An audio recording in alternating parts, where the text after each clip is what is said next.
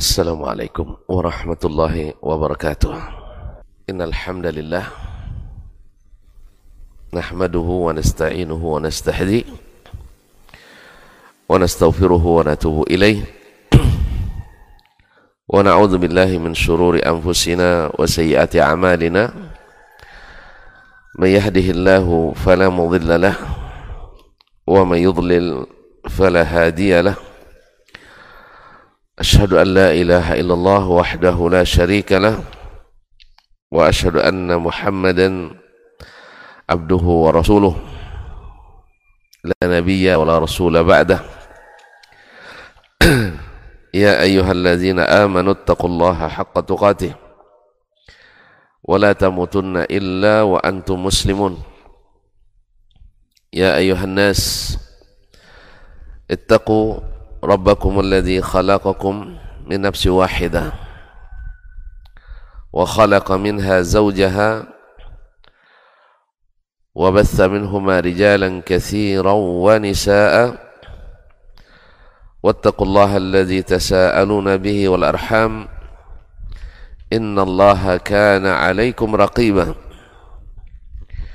يا أيها الذين آمنوا اتقوا الله وقولوا قولا سديدا يصلح لكم أعمالكم ويغفر لكم ذنوبكم ومن يطع الله ورسوله فقد فاز فوزا عظيما.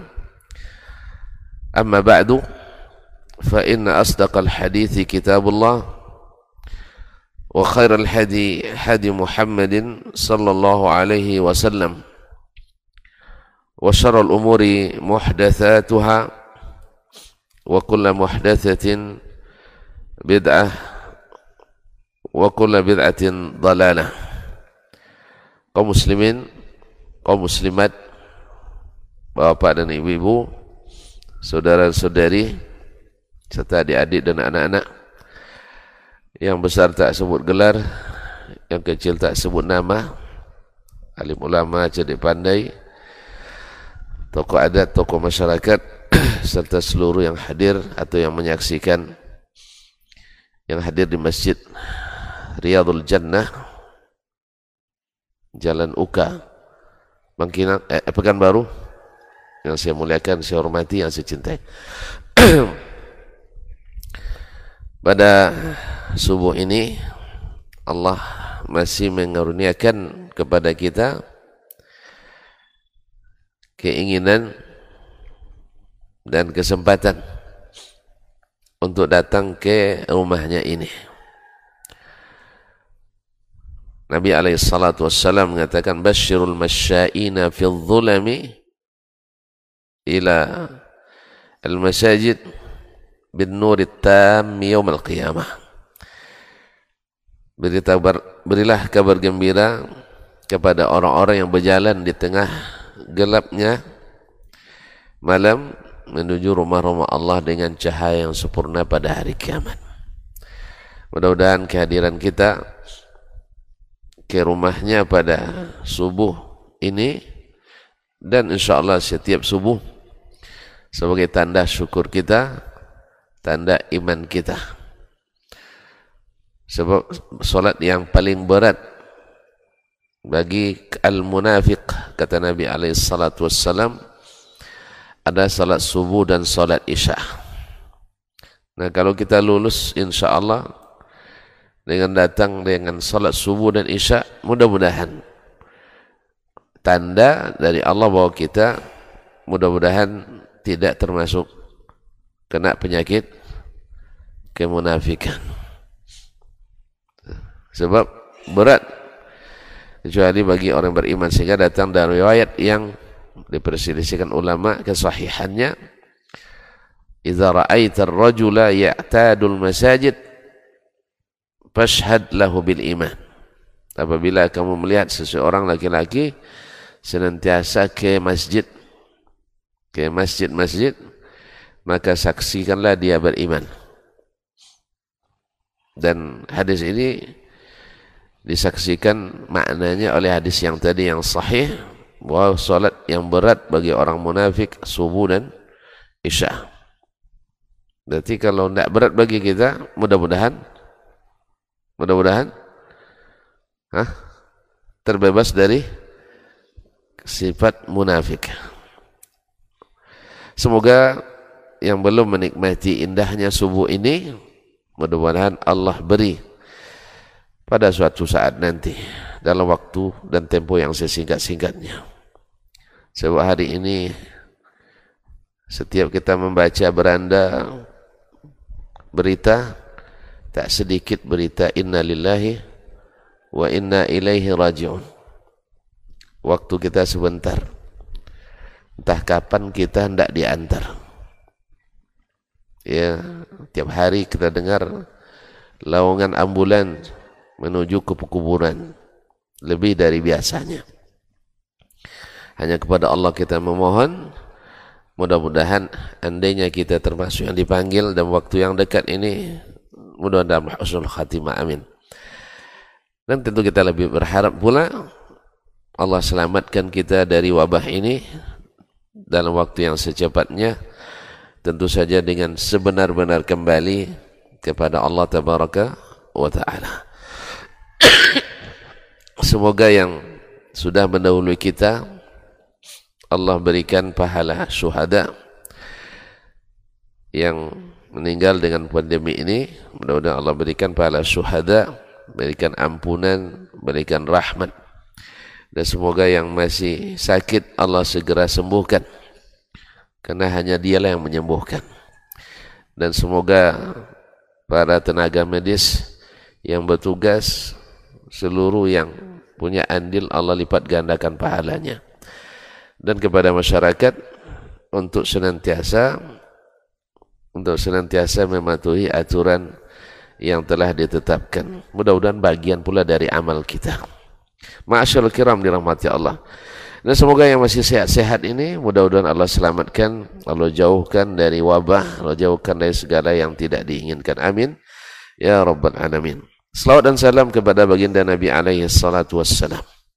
Yang mudah-mudahan karena cinta kepadanya lah kita sering-sering berada di rumah Allah ini. Karena tempat yang paling favorit bagi Nabi. Dan ibadah yang paling diandalkan Nabi adalah salat di rumah Allah ini. Adalah salat di rumah Allah ini. Oleh itu beliau bila tidak atau beliau bila melihat salah seorang saudaranya, sahabatnya tidak hadir, beliau akan cari di mana si fulan. Kalau masalahnya dia sedang bersedih, Allah Nabi alaihi wasallam datangi dan gembirakan dan andainya karena hajatnya menghalangi maka Nabi berusaha untuk meringankan baik dengan pemberian beliau sendiri atau merekomendasikan saudara dan sahabatnya yang berkecukupan untuk membantu saudaranya ini dan andainya karena sakit beliau ziarahi dan doakan mudah-mudahan Allah SWT menjadikan kita yang senantiasa mencintai rumah-rumah Allah ini. Kau muslimin dan muslimat dirahmati Allah. Sudah cukup lama kita dengan serial mencintai sunnah Rasulullah sallallahu alaihi wasallam. Dan cinta inilah yang membuat kita untuk senantiasa mencari ilmu. Apa yang diinginkan oleh yang kita cintai kita pelajari apa saja yang disenangi olehnya karena cinta itu memang mengharuskan itu mengharuskan kita mengenali apa-apa saja kesukaan orang yang kita cintai kalau tidak berarti cinta kita hanya cinta lagu dan nyanyian saja kalau ahli lagu cinta, nyanyi cinta memang banyak yang ahli tetapi tidak mau mencari tahu apa yang diinginkan oleh sang kekasih Ya seperti yang kita contohkan, saya cinta kepadamu. Tolong beli sendal bang. Oh tidak bisa adanya. Di macam mana cinta? Cinta itu adalah pengorbanan. Yang kedua mencari tahu apa yang tidak disukainya. Apa yang dibencinya. Dan apa yang membuat kita berpisah jalan dengannya. Harus kita ketahui. Memang haruskan kita belajar itu. Sebab tanpa mengetahui itu, mungkin kita melakukan sesuatu yang tidak dicintainya, padahal kita tidak mengetahuinya. Tidak mengetahuinya. Oleh sebab itu belajar ilmu tentang apa yang disenangi oleh sang kekasih. Yaitu sang Nabi alaihi salatu wassalam. Harus kita ketahui. Dan apa yang disukainya juga kita cari tahu dan tentu saja yang paling mengetahui itu adalah beliau sendiri makanya ketika sebagian ulama atau banyak dari ulama ketika menikah karena ulama dulu menikah atau masyarakat Islam dulu menikah tidak ada istilah pacaran dulu karena pacaran itu semuanya pura-pura hanya kamu kamuflase penuh dengan dusta. Kalau sudah masih pacaran, Masya Allah, hadiah selalu datang. Ya Pak ya? Iya, masih ingat? Hah? Selalu kasih hadiah. Setelah menikah, jarang beri hadiah. Kadang-kadang nggak ada pula. Pas nuntut ibunya atau istrinya, Pi kita ketika pacaran dulu sering apa Pi kasih hadiah. Sekarang kok nggak lagi? Jawabannya, Mi, mana ada tukang pancing setelah ikan dapatnya dikasih umpan lagi. Rupanya umpan. Uh, rupanya umpan setelah terkait, setelah terikat, setelah dapat, tak dapat, hadiah lagi. Yang namanya umpan itu cacing cuma. uh, paling buah sawit dan sebagainya. Lumut pula kadang. Allah musta'an. Jadi pacaran itu semuanya rata-rata dusta. Kamu pelas. Ya kalau coba lihat yang jujur itu antum kalau mau ketemu istri mandi dulu apa enggak? Hah? Kita bos istri bang pulang mandi dulu berapa dulu si, rambut dulu atau tidak? Enggak ya. Kenapa? Dah dapat. Dah dapat. Tapi kalau ketemu pacar Hah? Sedang kerja, mandi dulu dah. Enggak pernah, alhamdulillah Bapak enggak pernah, syukurlah. Nah, ini generasi tua enggak ada pacarannya dulu. Nah. Alhamdulillah. Yes, ya? Jadi makanya enggak ada pacaran Islami, enggak ada. Jelas enggak ada. Enggak ada dalam ajaran Islam berpacaran Islami. Yang ada adalah akad nikah. Islami bila sudah anak perempuan dah dah mulai senang dekat dengan anak laki-laki cepat di diikat supaya halal. Dan bila anak laki-laki kita sudah senang mengering anak perempuan segera di diikat. Dan jangan dijatuhkan talak tiga sama anak. Kalau kau nikah berhenti jadi anak saya. Ini yang salah orang tua tu. Nah, justru setelah menikah semakin sayang. Apa sebab? Dia akan membawa keberkahan dalam keluarga. Tak lama lagi mungkin dapat cucu kita. Berkah lagi. Ya tak lahir cucu bawa rezeki apa enggak? Rezeki. Cucu itu sendiri rezeki. Allah sebut Allah sebut tu setelah anak menikah jangan jatuhkan talak tiga. Nak setelah kau menikah dulu kau kasih uang kuliah dua juta setengah semester sekarang sekali lima juta. Mana tahu istrimu juga mau kuliah sekali. Kalau perlu sepuluh juta mertuamu mau kuliah ayah kuliahkan juga. Kan bagus itu. Iya serius ini. Sebab anak setelah menikah, sebelum menikah tetap anak anak kita, baik laki-laki maupun perempuan. Oleh itu kaum muslimin dan muslimat dirahmati Allah, banyak ulama yang akan menikah. Mereka sebelum di malam pertama ya, di malam pertama sebelum mereka saling menyentuh. Karena malam pertama dulu tuh indah. Malam pertama sekarang tidak ada indahnya lagi. Karena sudah didahului malam-malam tak berapa kali pertama sebelumnya. Orang dulu malam pertama itu masa indah ya. Antum pernah coba? Belum ya? Ah, kasihan. Kapan? Sudah. Yang pertama. Alhamdulillah. Jazakallah khair. Mubarak. Kaum muslimin dan muslimat dirahmati Allah. Sebelum mereka saling menyentuh setelah akad nikah ini dia panggil istrinya atau biasa saja istri yang memulai Kalau misalnya Surih Al-Qadhi itu istrinya memulai. Alhamdulillah. Padahal Surih selesai salat sunat nih diikuti oleh istri belakang. Pas dia berpaling nak ambil tangan istrinya, kan dah halal kan? Sebelum itu kan dah halal lah. Sekarang istri dah halal belum? Istri belum halal juga. Ya Allah. Nah, kau muslimin dan musliman, tunggu dulu. Abu Umayyah katanya. Saya dengarkan isma minni. Dengarkan dari saya dulu. Wih, lalu dia terpaksa mendengar dulu. Lalu yang Alhamdulillah Wassalatu wassalamu ala rasulillah Wa ba'du Lalu dia berkhutbah depan Suaminya Khutbah singkat kok Tidak seperti khutbah hari raya Nah, khutbah singkat Amma ba'du Faqad kana Fi qawmi Man kana yunasibuni.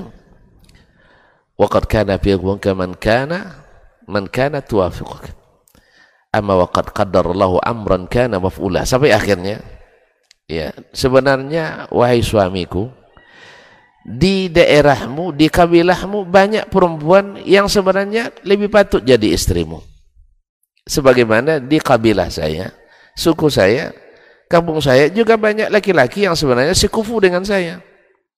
Tetapi Allah sudah pilihkan engkau untuk diriku dan aku untuk dirimu. Maka fa'amsik billati ahsan. Maka pegang teguh dengan ihsan au sarrih bi ihsan. Atau lepas dengan baik-baik. Jelas ya? Nah maka berikanlah haknya. Berikanlah hak pernikahan ini sesungguhnya. Lalu dia bilang surah al-qadhi ini dia termasuk qadhi yang paling terkenal dalam sejarah Islam. Yang terkenal adilnya yang terkenal cerdas dan tegasnya dalam menghukum terkenal sekali. Terpaksa saya ikut pula berkhutbah katanya. Lalu dia jawab Bismillah wassalatu wassalamu rasul. Amma ba'du amma waqad qulti ma qulti engkau sudah ucapkan apa yang kau ucapkan. Kalau kau menghendaki itu lillahi ta'ala fatarina khairan. Insyaallah kau lihat yang baik. Andainya selain itu maka Allah yang lebih tahu apa yang ada dalam hati. Dan Lalu mereka saling menyebutkan apa yang disenangi dan apa yang tidak disukai. Akhirnya dengan izin Allah ketika bertemu Surih dengan Imam Ash-Sha'abi, Amir bin Surahil Ash-Sha'abi rahimahullah ta'ala, ketika bertemu sejak apa namanya 20 tahun lebih setelah menikah, lalu dia tanya, "Kaifa haluk? Bagaimana keadaanmu?" Dia jawab, "Alhamdulillah bikhair." La kaifa haluka wa ahlik bagaimana keadaanmu bersama istrimu karena dulu dia hadir juga nikah barangkali ya nah bagaimana keadaannya dia bilang sejak menikah sampai hari ini makhtalafna fi kalimatin ma ra'aitu minha khata'an illa marra wahidah wal khata'u yang yarji'u sejak menikah sampai hari ini kami tak pernah berbantah satu kata pun tidak pernah berselisih. Tidak pernah berselisih. Kecuali satu kali. Itu pun yang salah saya katanya. Bukan istri saya. Katanya. Itu pun yang salah saya kata Surih Al-Qadhi. Sehingga saya agak marah sedikit. Selebihnya tak pernah kami berselisih. Apa sebab? Dia pelajari apa kesukaan istrinya. Lalu dia laksanakan semampunya lalu dia pelajari yang tidak disenangi oleh kekasihnya lalu dia menghindari ada kita ketika menikah buat kesepakatan ini tidak ada ya tidak ada maka patut dicatat sering berbantah Hah? sering berbantah maka saya sering kalau anda memberikan tausiah nikah sering anak buat semacam apa namanya? Sayembara lah. Saya beri waktu setahun. Bila tuan-tuan berani tak selisih paham dalam setahun? Orang tadi berapa lama 20 tahun Imam Ahmad lebih dahsyat lagi lebih 30 tahun menikah tak pernah berselisih kata satu pun semuanya manis Masya Allah Tabarakallah Padahal kita selalu bilang yang namanya pelisian keluarga itu kan biasa kan, tapi mereka bisa luar biasa. Apa sebab? Dia pelajari apa kesukaan kekasih, lalu dia usahakan melakukannya. Dan dia pelajari apa yang tak disukai oleh sang kekasih, lalu dia berusaha untuk meninggal meninggalkannya. Kalau sudah begitu, ada lagi yang diperselisihkan? Ada lagi yang diperselisihkan? kaum muslimin dan muslimat dirahmati Allah nah satu tahun tak ini tak berselisih saya bilang insya Allah saya beri hadiah nanti jadi setelah menikah setahun itu pun dihitung dengan tanggal hijriah supaya lebih cepat tanggal masehi agak lambat ya setahun hijri tuan-tuan berdua tak pernah berselisih besok temui saya misalnya kalau nikahnya tanggal satu Syawal ada yang dikatakan satu Syawal sih hari raya Hah? Ada yang nikah hari raya? Mana tahu kan? Memanfaatkan kesempatan hari raya kan? Nah, jadi tak perlu lagi belanja dua kali. Belanja hari raya dengan belanja pesta. Nah, misalnya tanggal 1 Syawal dia puasa apa namanya? Eh, pesta atau beralek. Nanti tanggal 1 Syawal tahun depan temui saya. Kalau tak berhasil tidak berselisih paham saya kasih hadiah. Cuman hadiah tak kasih tahu dulu. Tergantung kemampuan saya setahun ke depan. Kalau pas saya jadi juragan kaya, miliaran pada itu mungkin saya umroh kan atau haji kan. Mungkin. Ya, Pak. Tapi kalau pas utang yang banyak hari itu terpaksa jazakumullahu khairan. Ah, dan itu lebih baik. Semoga Allah beri balasan yang lebih baik. Balasan di Allah lebih baik daripada balasan kita. Ya saya? Nah, cuman saya janjikan Nanti kalau ada yang mau nikah nanti, saya yang beri tausiah mungkin saya janjikan juga. Mau nikah lagi? Enggak ya?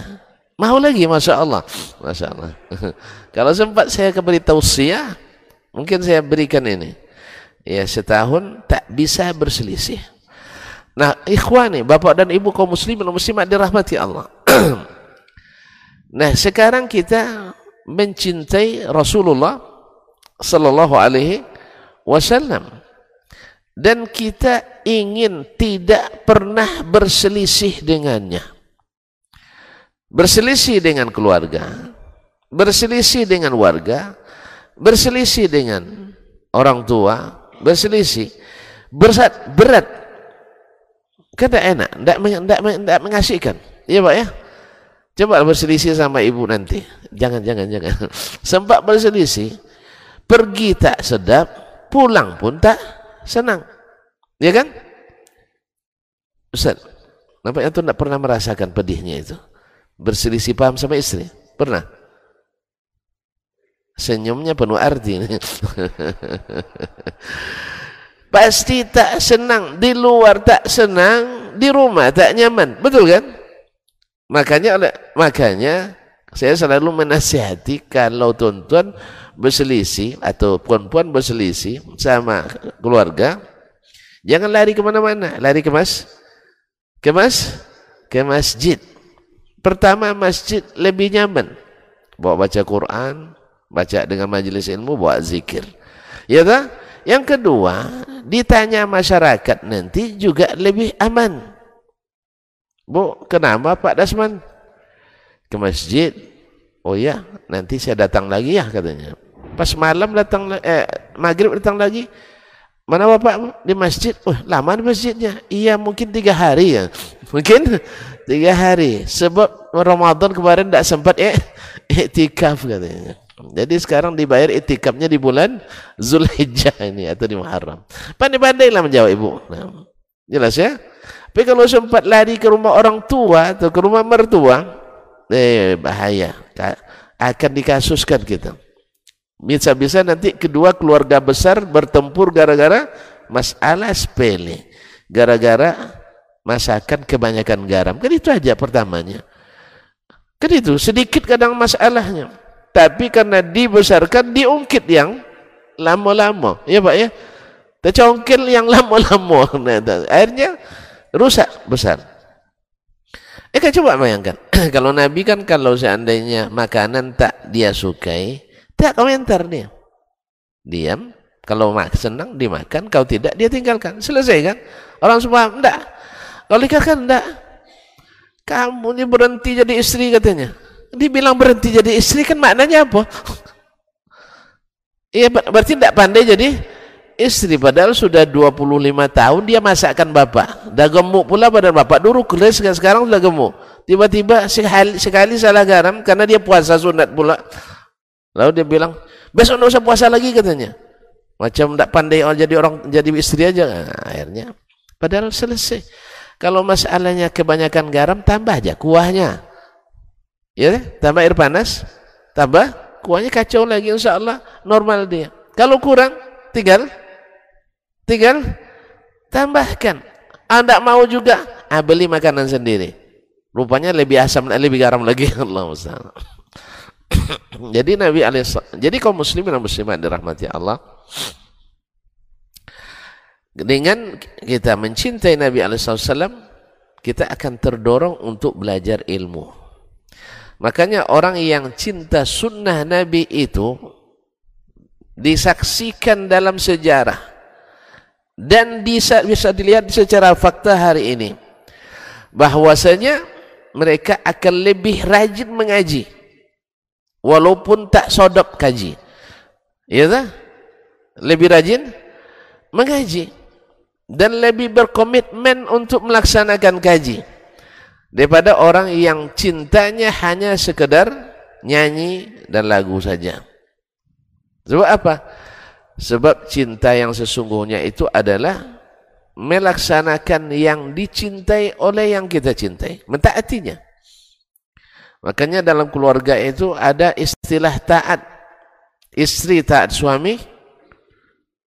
Istri taat suami. Suami tunduk sama istri. Gitu. Iyalah. Kalau istri yang pandai, istri yang pandai taat pada suaminya, insya Allah suaminya tunduk kepadanya. Makanya nasihat seorang ibu ketika anak perempuannya menikah, ini patut dicontoh oleh ibu-ibu kita hari ini. Kalau ibu kita hari ini nasihat lain, kamu jangan mau diatur sama suamimu ndak katanya. Ah, salah itu. Masa dilarang mau diatur sama suaminya? Harusnya ini contoh yang baik. Ya anakku, ya ini panjang cerita. Kalau mau dengar lengkapnya nanti pas nikah nanti ya. Nah, pas nikah aja nanti insya Allah mau lengkapnya. Wahai anakku, kuni lahu abdan. Kamu mesti kepada suamimu itu seperti hamba sahaya. Ada hamba sahaya yang melawan? Hah? Kena jual nanti. Kena jual. Nanti jual sama preman pula. Auzubillah. Hamba saya tak ada melawan. Karena dia dirinya sendiri milik suaminya, milik eh, tuannya. Kuni lahu abdan. Kamu eh, amatan, maaf. Kuni lahu amatan. Kamu mesti menjadi hamba seperti hamba maksudnya bukan jadi hamba hakikat enggak. Perangai kamu taat kepadanya seperti taatnya seorang ham, hamba sahaya kepada tuannya. Apa balasannya? Yakun laki abdan. Kalau kau berani seperti hamba kepadanya, dia pun akan tunduk kepadamu seperti hamba sahayamu. Kalau tidak percaya, coba nanti. Nanti coba dari sekarang ya. Ya, Kalau marah istri, jangan ikut marah. Ini kelemahan kita laki-laki ini begitu. Kalau marah istri, eh, eh, kamu saya yang harus marah. Kan saya, enggak. sopannya rahasianya oleh para ahli baik alim ulama maupun jadi pandai rupanya dengan istri ini rahasianya kalau dia marah tinggal minta maaf saja. Tidak pernah tonton baca iklan tuh? Mendingan minta maaf daripada? Oh tidak pernah baca. Iklan rokok tuh. Mendingan minta maaf dari? Lupa ya mendingan minta maaf daripada minta izin. Izin tak akan dapat. Minta maaf? Tak paham Alhamdulillah. Untung tak paham ibu. Ibu bersyukur dia bapak-bapak ini tak paham. Ya, syukur itu. Mendingan minta maaf daripada minta izin. Apa maknanya? Apa maknanya? Perempuan itu lebih mudah memaafkan daripada mengizin daripada mengizin izinkan Coba lah rayu-rayu nanti. Nak nikah lagi tak bakal dapat izin. Tapi setelah menikah, pandai-pandai aja minta maaf. Insya Allah lama-lama dimaafkan. Eh, paham juga jadinya. Hah? Kau muslim muslimat dirahmati Allah.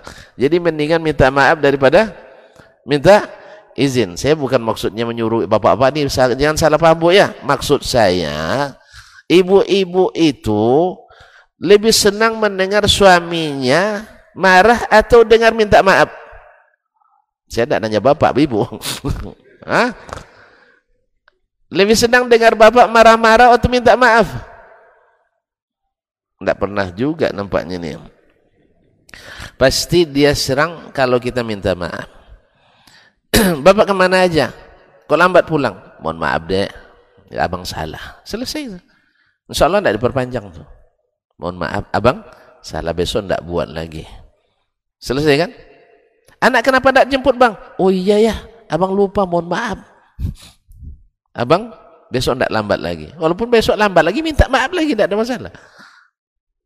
Insya Allah selesai masalah. Tapi kalau dijawab, kamu ini memangnya siapa ngatur saya? Nah gimana? Kira-kira jawabannya. Kalau bapak-bapak punya satu jawaban, istri lima belas jawaban. Ingat enggak dulu?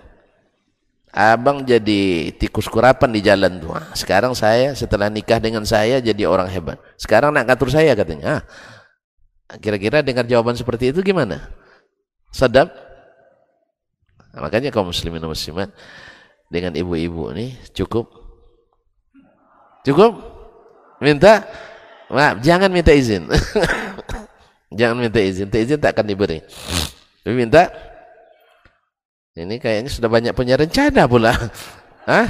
Tidak saya tidak anjurkan. Maksudnya di ke, apa namanya dalam muamalah sehari-hari kita sang suami itu sebenarnya tidak apa-apa minta maaf. Bukan bukan rendah minta maaf. Ya kecuali masalah pelanggaran syar'i kita minta maaf juga. Enggak jelas istri membuat pelanggaran syar'i kita pula minta maaf tidak makanya Nabi alaihi seperti kata Ummul Mukminin Aisyah radhiyallahu taala anha maka Nabi SAW yaghdabu li nafsih Nabi tak pernah murka marah karena dirinya. Kalau dirinya haknya yang dikurangi tidak marah dia. Haknya yang di apa namanya yang tidak diberikan tidak marah walakin idzan tuhikat maharimullah. Tapi kalau hal-hal yang Allah larang dilanggar baru di situ marahnya Nabi alaihi salatu wassalam sampai merah mukanya merah matanya dan tinggi suaranya. Tapi kalau dia sendiri tidak ditarik bajunya sampai merah lehernya dia tidak marah. Padahal iya pimpinan ya Rasulullah. Kemudian pemimpin kaum muslimin di seluruh dunia. Di depan para sahabatnya. Dia tidak marah. Orang memanggilnya. Orang badui datang. Muhammad katanya. Manggil Muhammad aja sama Rasulullah Sallallahu Alaihi. Tidak marah dia. Awal lupa orang nyebut haji marah. Dia dah bilang Pak Dasman. Eh tahu tak kamu saya haji. marah kita. Nabi Alaihissalam tidak. Tidak marah dia. Sebab apa? Ini hak pribadinya. Tapi kalau hak syar'i dia marah. Nah ini yang seharusnya kita ini kembali kepada tadi. Mereka bisa tidak berselisih karena ber, berusaha mengetahui apa yang disukai oleh kekasih. Dan setelah itu dan mengetahui apa yang tidak disenanginya. Ini harus kita pelajari dalam konteks mencintai Nabi alaihi salatu wassalam, mencintai Rasulullah dan sunnah Nabi alaihi salatu wassalam. Nah, orang-orang yang mencintai Nabi dengan sesungguh-sungguhnya. Dan mudah-mudahan cinta yang diterima. Yang mudah-mudahan esok hari ketika bertemu. Kita tak berselisih paham dengannya. Sebab luar biasa kaum muslimin dan muslimat. Ancamannya jelas. Ya sesuatu yang menakutkan. Bila cinta kita ke Rasulullah SAW tidak diterima atau ibarat cinta bertepuk sebelah tangan. Sudah lama kita menyanyikan lagu cinta. Sudah lama hati kita merindukan bertemu dengannya. Kita merana bahkan mungkin sudah berkorban harta dan jiwa, energi dan waktu untuk dalam rangka cinta ke Nabi alaihi salatu wassalam. Tetapi di saat di hari kita bertemu dan berharap uluran tangannya kita terhalangi untuk diterima. Ibarat cinta bertepuk sebelah tangan sakitnya Ah, tunjukkan sakitnya itu di sini. Di sana sakitnya. Nah, oleh itu kaum muslimin dan muslimat dirahmati Allah sakit. Ketika di tepi telaga nanti Nabi alaihi salatu diberikan Allah Al-Kautsar. Inna a'tainakal kautsar. Ya, para ahli tafsir menyebutkan Al-Kautsar itu adalah haudun Nabi sallallahu alaihi wasallam yaitu hautnya telaga Nabi alaihi salatu wassalam yang cawannya sebanyak bintang di langit. Jadi kalau tuan-tuan nak tahu berapa jumlah cawannya ni, tahu cawan? Tahu cawan ciduknya? Tak tahu, tak tahu gayungnya? Hah? Gelasnya sebanyak bintang di langit. Siapa yang tahu berapa jumlah bintang di langit? Coba berdiri malam nanti hitung. Nah, kalau menurut para ahli triliunan katanya. Ahli fisika mengatakan begitu. Mereka juga kira-kira kan? Itu kira-kira aja lah. Enggak, saya bilang ratusan miliun, eh, triliun ya, terserah. Ya mereka tentu saja dengan teori-teori ilmiah yang mereka yang mereka temukan dan mereka pakai. Ala kulihan. Kizanu kan nujumi bis sama. Yaitu cangkir-cangkirnya yang dijadikan tempat minum itu sebanyak bintang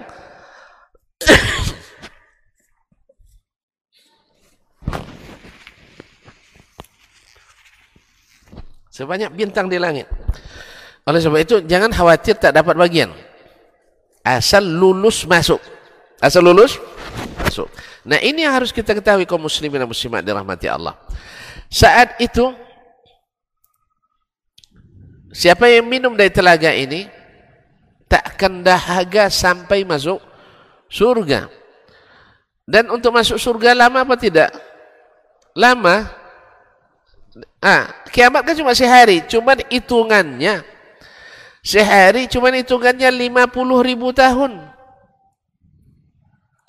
Nah, siapa yang minum dari telaga ini dalam proses ada hisab, ada mizan, kemudian diperlihatkan ke seluruh makhluk, ya dah, diperlihatkan ke seluruh makhluk, dibentangkan seluruh amal kita dari orang pertama sampai orang terakhir Orang pertama siapa? Adam. Orang terakhir. Hah? Ada yang mau jadi yang terakhir? Mana tahu nanti dapat dalam sejarah orang paling akhir di dunia. Ada yang mau? Saya tidak mau. Sebab hari terakhir hari kiamat itu tidak orang Islam. No. Bukan orang Islam. Nauzubillah. Kau muslimin dan muslimat dirahmati Allah. Nah hari itu kita membutuhkan minum itu. Sebab siapa yang minum di telaga Nabi takkan dahaga sampai masuk surga yang abadi. Berarti kalau tak minum? Kalau tak minum? Haus terus, dahaga terus. Sampai masuk? Nah, ini yang kita tak tahu nih. Sebab di di telaga jadi ditolak, jangan-jangan di surga? Nah ini, na'udzubillah, kaum muslimin dan muslimat dirahmati Allah.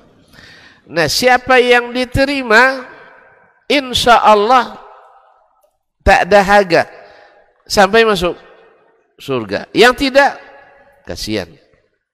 Kasihan kaum muslimin dan muslimat dirahmati Allah.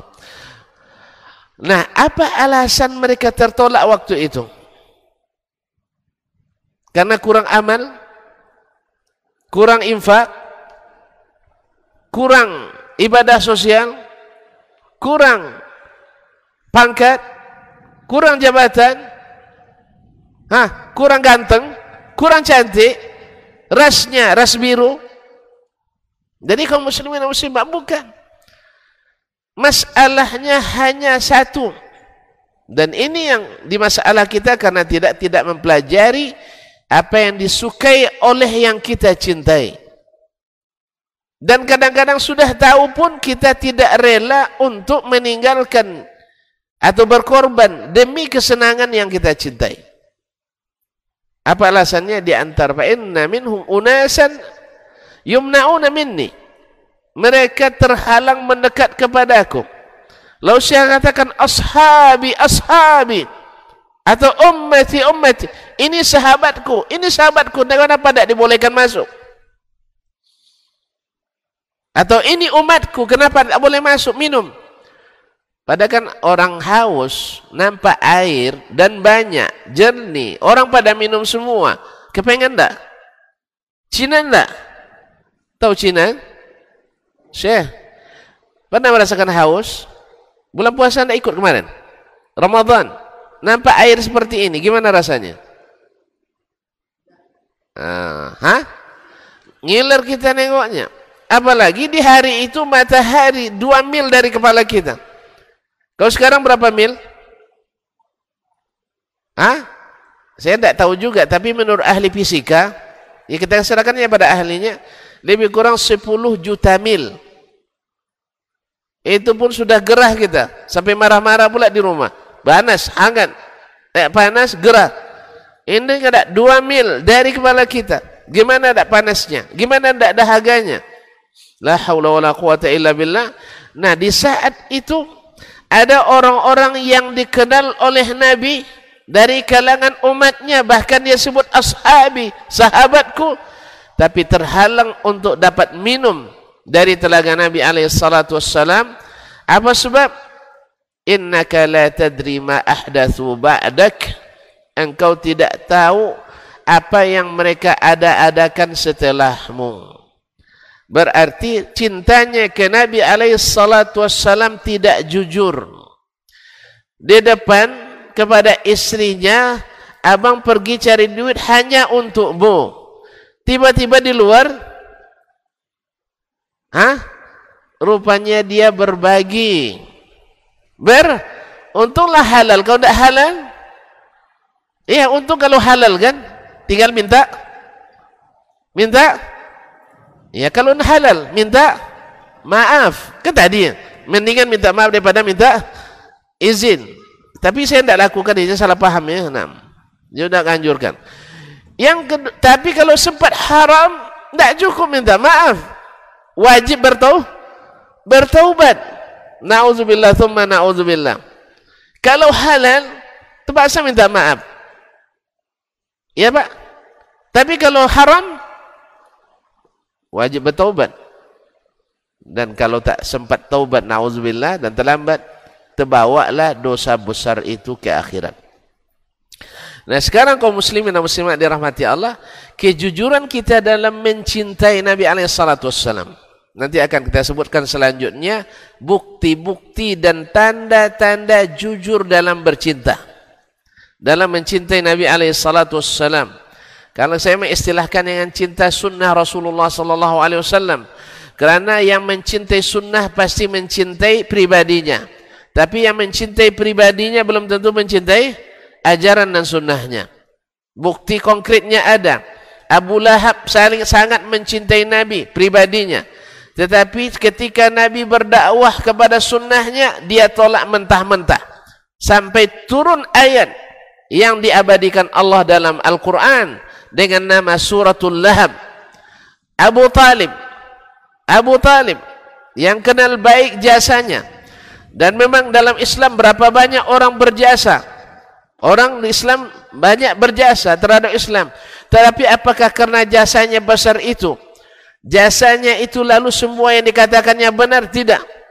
Karena sebagian orang tu jasanya banyak dalam dalam kemajuan Islam. Betul jasa kita tidak pungkiri tapi berhakkah dia masuk surga?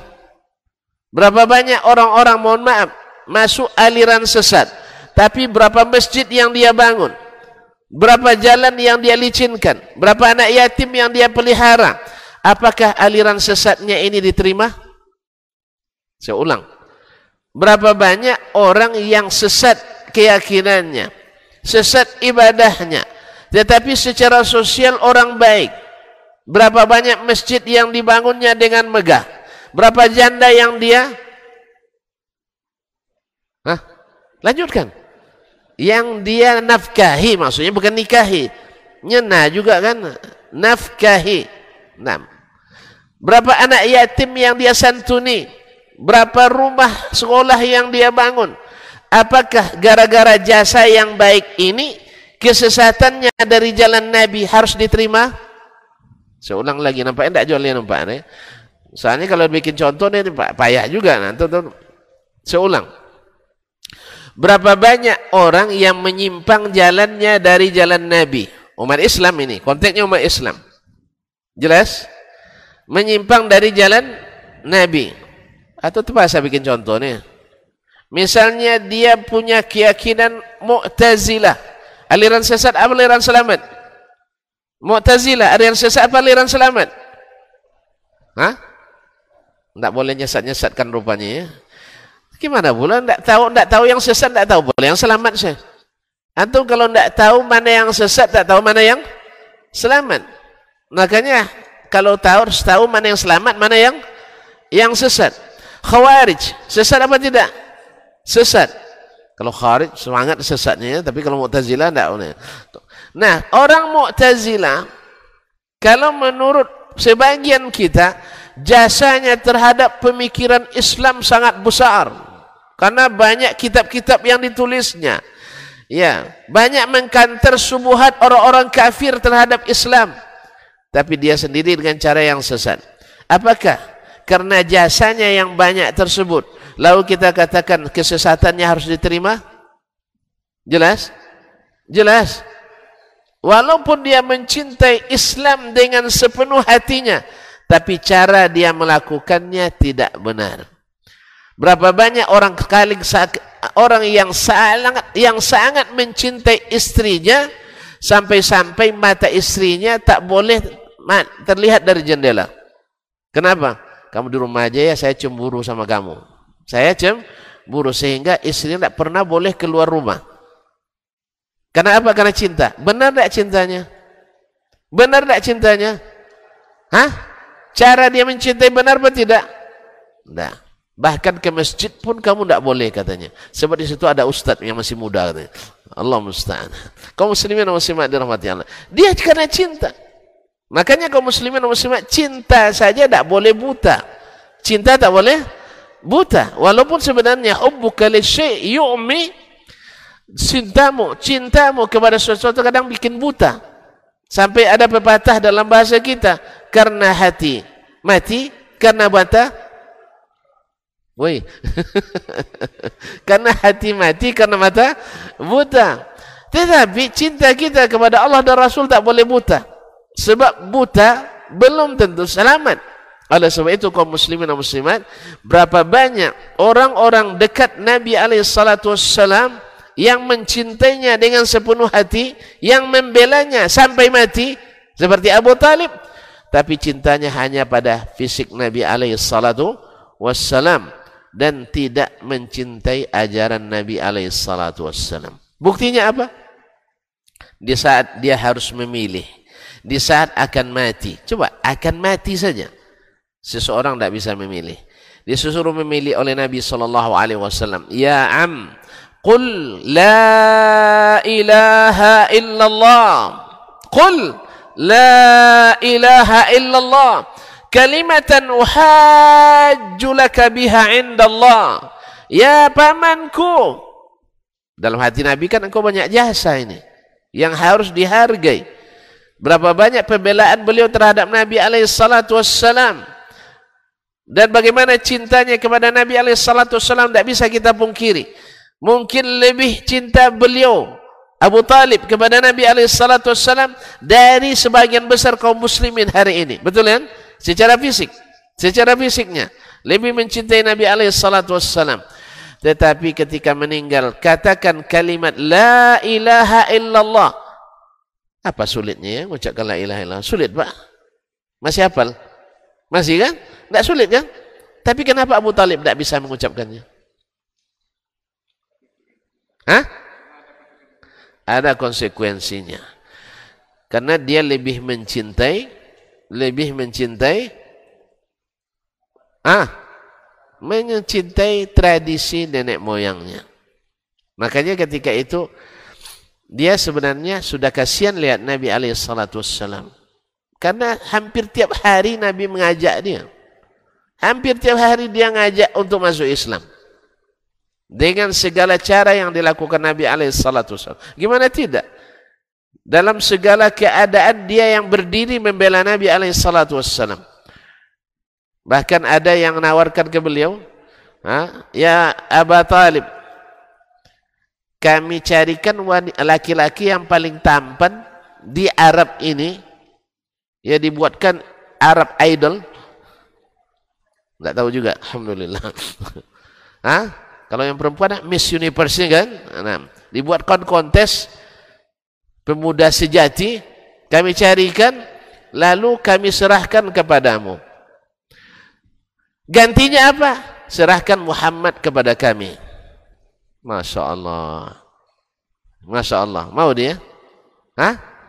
Enak sekali kalian katanya saya kalian berikan anak kalian kepadaku untuk aku sayangi, pelihara dan jaga, tumbuh kembangkan, aku didik, lalu kalian ambil anak saya untuk kalian bunuh katanya. Di mana otak kalian ini? Itu ada Abu Talib. Nah, tidak bisa kita bilang radhiyallahu anhu. Kaum muslimin dan muslimat dirahmati Allah. Jasanya tak terkira dan terhingga. Tapi sayang cintanya ke Nabi hanya cinta cinta biologis. Cinta yang bersifat kekeluargaan bukan cinta iman sehingga dia tidak mau mengucapkan la ilaha illallah ditambah lagi ada dua setan besar besar Quraisy Abu Jahal dengan uh, siapa namanya Hah? Bukan. Ada seorang lagi, Utbah bin Rabi'ah atau selainnya, saya lupa. Dua-duanya membisikkan pula yang berlawanan dengan itu. Leb, jangan lupa perjuangan kita. Nah, itu jangan lupa perjuangan kita. Ingat ayahmu Abdul Muttalib. Ingat datukmu Hashim. Ingat datuknya lagi ha, Qusay. Dan seterusnya sampai ke Adnan. Sampai ke Ismail. Tentu tidak masuk ke Ismail kan? Ismail kan Nabi. Kaum muslimin muslimin dia akhirnya terpengaruh oleh kebesaran nama-nama nenek moyangnya tadi. Datuk-datuknya tadi. Akhirnya menutup dengan bal mata ala millati Abdul Muttalib meninggal dalam mengikuti agama Abdul Muttalib. Sehingga Nabi menangis, Nabi bersedih sampai turun pula ayat menghibur Nabi alaihi salatu wassalam, "Innaka la tahdi man ahbabta walakin Allah yahdi man yasha. Sesungguhnya engkau hai Muhammad tak bisa beri hidayah kepada siapa yang kau cintai tapi Allah lah yang beri hidayah kepada siapa yang dikehendakinya. Ma'asyarul kiram dirahmati Allah. Sekali lagi kita bersyukur karena kita sudah diberikan hidayah ini Alhamdulillah lidah kita dengan lancar mengucapkan asyhadu an la ilaha illallah wa asyhadu anna Muhammadar Rasulullah. Tinggal lagi sekarang menyempurnakan konsekuensi kalimat ini. Ibarat la ilaha illallah kata Wahab bin Munabbi seorang ulama tabi'in, ini kunci surga, jangan sampai rusak geriginya. Jangan sampai rusak kalau kuncinya digital, jangan sampai salah passwordnya. Jangan sampai lupa pin Hah? pinnya Masya Allah. Hafal berarti punya ATM itu Masya Allah. Ya hari ini rata-rata punya ATM jadi kalau seandainya pakai password kode digital jangan sampai lupa passwordnya Pak ya. Kalau enggak enggak bisa cair. Enggak bisa di enggak bisa dioperasikan. Yang dan jangan kalau dia apa namanya kunci manual jangan rusak geriginya. Dan ini yang disebut oleh para ulama oleh para ulama kita seperti Wahab bin Munabbih syarat-syarat la ilaha illallah syarat aplikasinya. Dan itu yang tak dimiliki oleh Abu Ta Abu Ta Talib. Abu Talib. Gini-gini tak cukup ilmu dia tahu Nabi Muhammad sallallahu alaihi wasallam Nabi Muhammad sallallahu alaihi wasallam tak pernah dusta dia tahu yakin yakin dia Muhammad benar Cuman belum al-qabul, belum mau menerima. Jelas? Ibarat syarat untuk misalnya syarat untuk ngurus KTP hari ini. Apa syaratnya? Surat pak vaksin. Nah, itu Pak. Surat vaksin. Habis itu pergi ke tukang vaksin, syaratnya KTP. syaratnya KTP. Tukang vaksin bilang KTP harus ada, yang tukang KTP bilang vaksin harus ada. Akhirnya gila kawan kita ini. Akhirnya dibawa ke rumah sakit jiwa. Rumah sakit jiwa tanya mana vaksin, mana KTP. Tambah gila dia. Jadi harus syaratnya lengkap. Abu Talib memiliki sebagian syaratnya. Tapi tidak memiliki sebagian besar syarat tadi. Dia berilmu, tahu dia. Pandai bahasa Arab daripada kita. Ya tak? Tahu dia makna la ilaha illallah itu. Tahu dia makna Muhammadur Rasulullah itu. Dia ilmu, tahu, yakin, yakin. Cuman tak mau kabul menerima. Kemudian tidak mau tunduk kepada aturan Allah dan Rasulnya sallallahu alaihi wasallam. Kemudian tidak rida dengan dakwah Nabi alaihi salatu wasallam. Ya kalau nak terima gimana nak rida? Ya tak? Jelas? Dan tidak ikhlas dalam beribadah karena Allah. Masih teringat bahala-bahala. Masih teringat syekh-syekhnya. Dan ikhlas kemudian mencintai kalimat la ilaha illallah andainya dia mencintai la ilaha illallah tentu apa susahnya dia ucapkan berarti dia belum mencintai kalimat ini sehingga dia lebih mengutamakan bal ala millati abdul muttalib oleh itu kaum muslimin dan muslimat dirahmati Allah itulah pentingnya kita mencintai yang kita cintai seperti yang dia inginkan bukan seperti yang kita inginkan sebab apa Bisa aja antum mencintai dengan cara antum sendiri. Ternyata istri antum tidak suka dengan cara itu. Ya Pak ya? Hah? Misalnya sang istri tidak suka bunga. Sukanya yang merah-merah dan biru saja. Paham? Hah? Kalau tidak paham saya tunjukkan modelnya. Tidak. Antum setiap pulang bawa bunga terus. Bunga kaktus berduri pula. Bawa antum bunga bawa pun bunga yang paling mahal apa sekarang? Gelombang se, se, apa gelombang cinta. Misalnya, yang paling mahal apa sekarang ya? Apalah bunga yang termahal. Dia tidak suka bunga dia, dia suka harganya. Maka akhirnya tidak berkesan cinta kita kepadanya, walaupun kita berkorban. Jelas? Misalnya, tuan-tuan misalnya kalau saya misalnya dapat musibah lah qadar Allah, ah, antum kirim papan bunga, bagi saya tidak berkesan.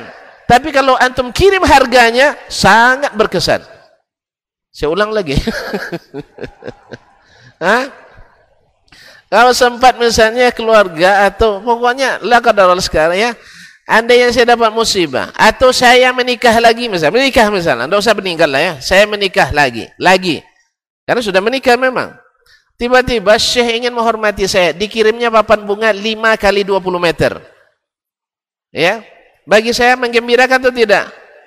Belum tentu. Makanya untuk tanya dulu, Ustaz, saya nak kirim papan bunga 5 kali 20 meter. Kalau harganya berapa tuh? Anggaplah harganya 10 juta. Ustaz mau harganya atau papannya? Saya pilih harganya saja. Harganya saja lebih berkesan dari papan bunganya. Oleh sebab itu berapa banyak kita kirim papan bunga dan kebencian di antara kita masih tetap menyala. Tapi coba kirim amplopnya, insya Allah hilang itu. hilang kebenciannya. Makanya tanyakan dulu, antum maunya apa? Maunya apa? Jelas? Jelas ya? Eh kalau sempat nanti takdir Allah seperti itu, antum nak kirim sesuatu ke saya, tanya ke saya ya, Ustaz mau harganya atau bu bunganya? Jadi tidak semua bunga dicintai oleh wanita atau tidak semua wanita mencintai mencintai Bu bunga. Jelas ya? Atau atau gara-gara karena cinta sama istri, sejak menikah sampai mati tak pernah keluar rumah. ya? Makan tidur, makan tidur. Cari duit istri. Senang istri? Hah? Aku karena ingin dekat selalu denganmu sayang sehingga abang tidak bekerja.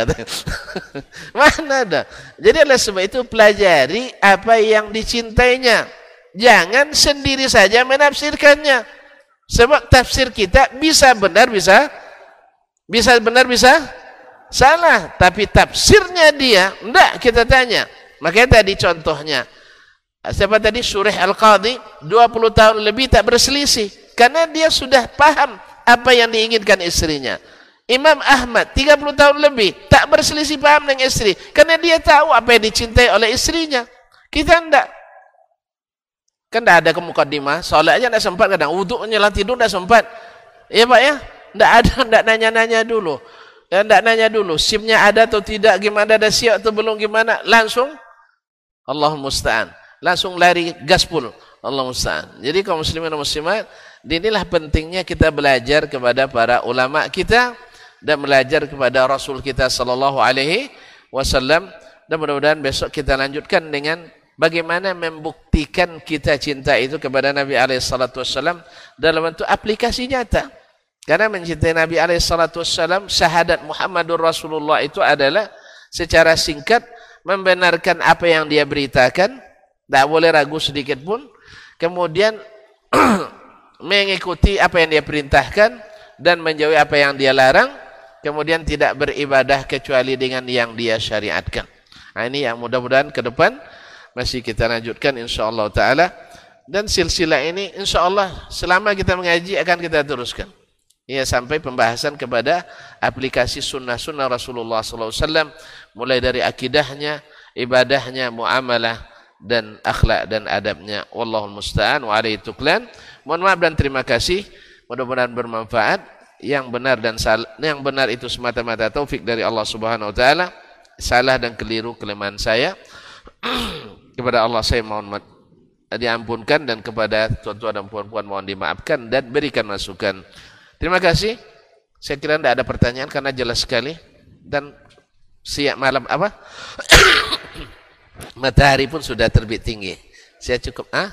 Saya cukup sampai di sini wallahu taala alam sallallahu ala nabiyyina Muhammadin wasallam wa subhanakallah bihamdik asyhadu an la ilaha illa ant astaghfiruka wa atubu ilaik wassalamualaikum warahmatullahi wabarakatuh